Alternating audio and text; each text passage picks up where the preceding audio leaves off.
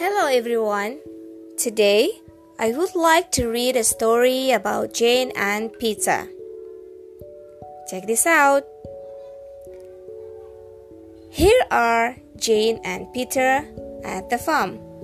They like to come here to work and they like to come here to play. They want to help the man at the farm. We like to help you, says Peter to the man. Yes, says Jane. We have come to help. Good, says the man. I want you to help me with the work.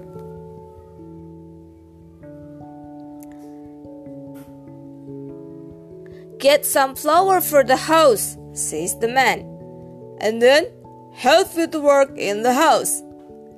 Peter and Jane get some flowers and then go into the house. They work in the farmhouse and they have some apples. The man comes in to see Peter and Jane. He says they can play. Peter wants to see the farm dog. Peter is on the big horse. He says, Look at me, Jane. Away I go. Jane says, I will come to you. She gets up on the little horse. Away go, she says.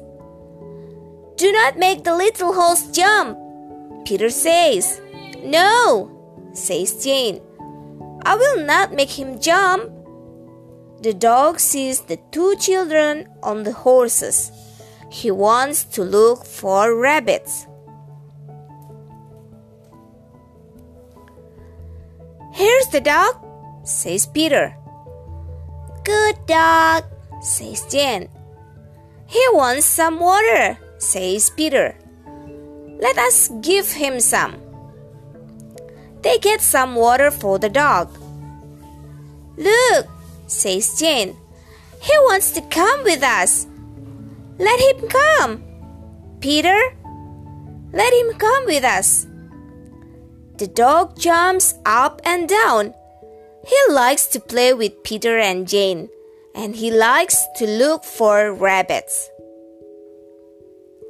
Let's continue to the story for the next episode. Stay tuned.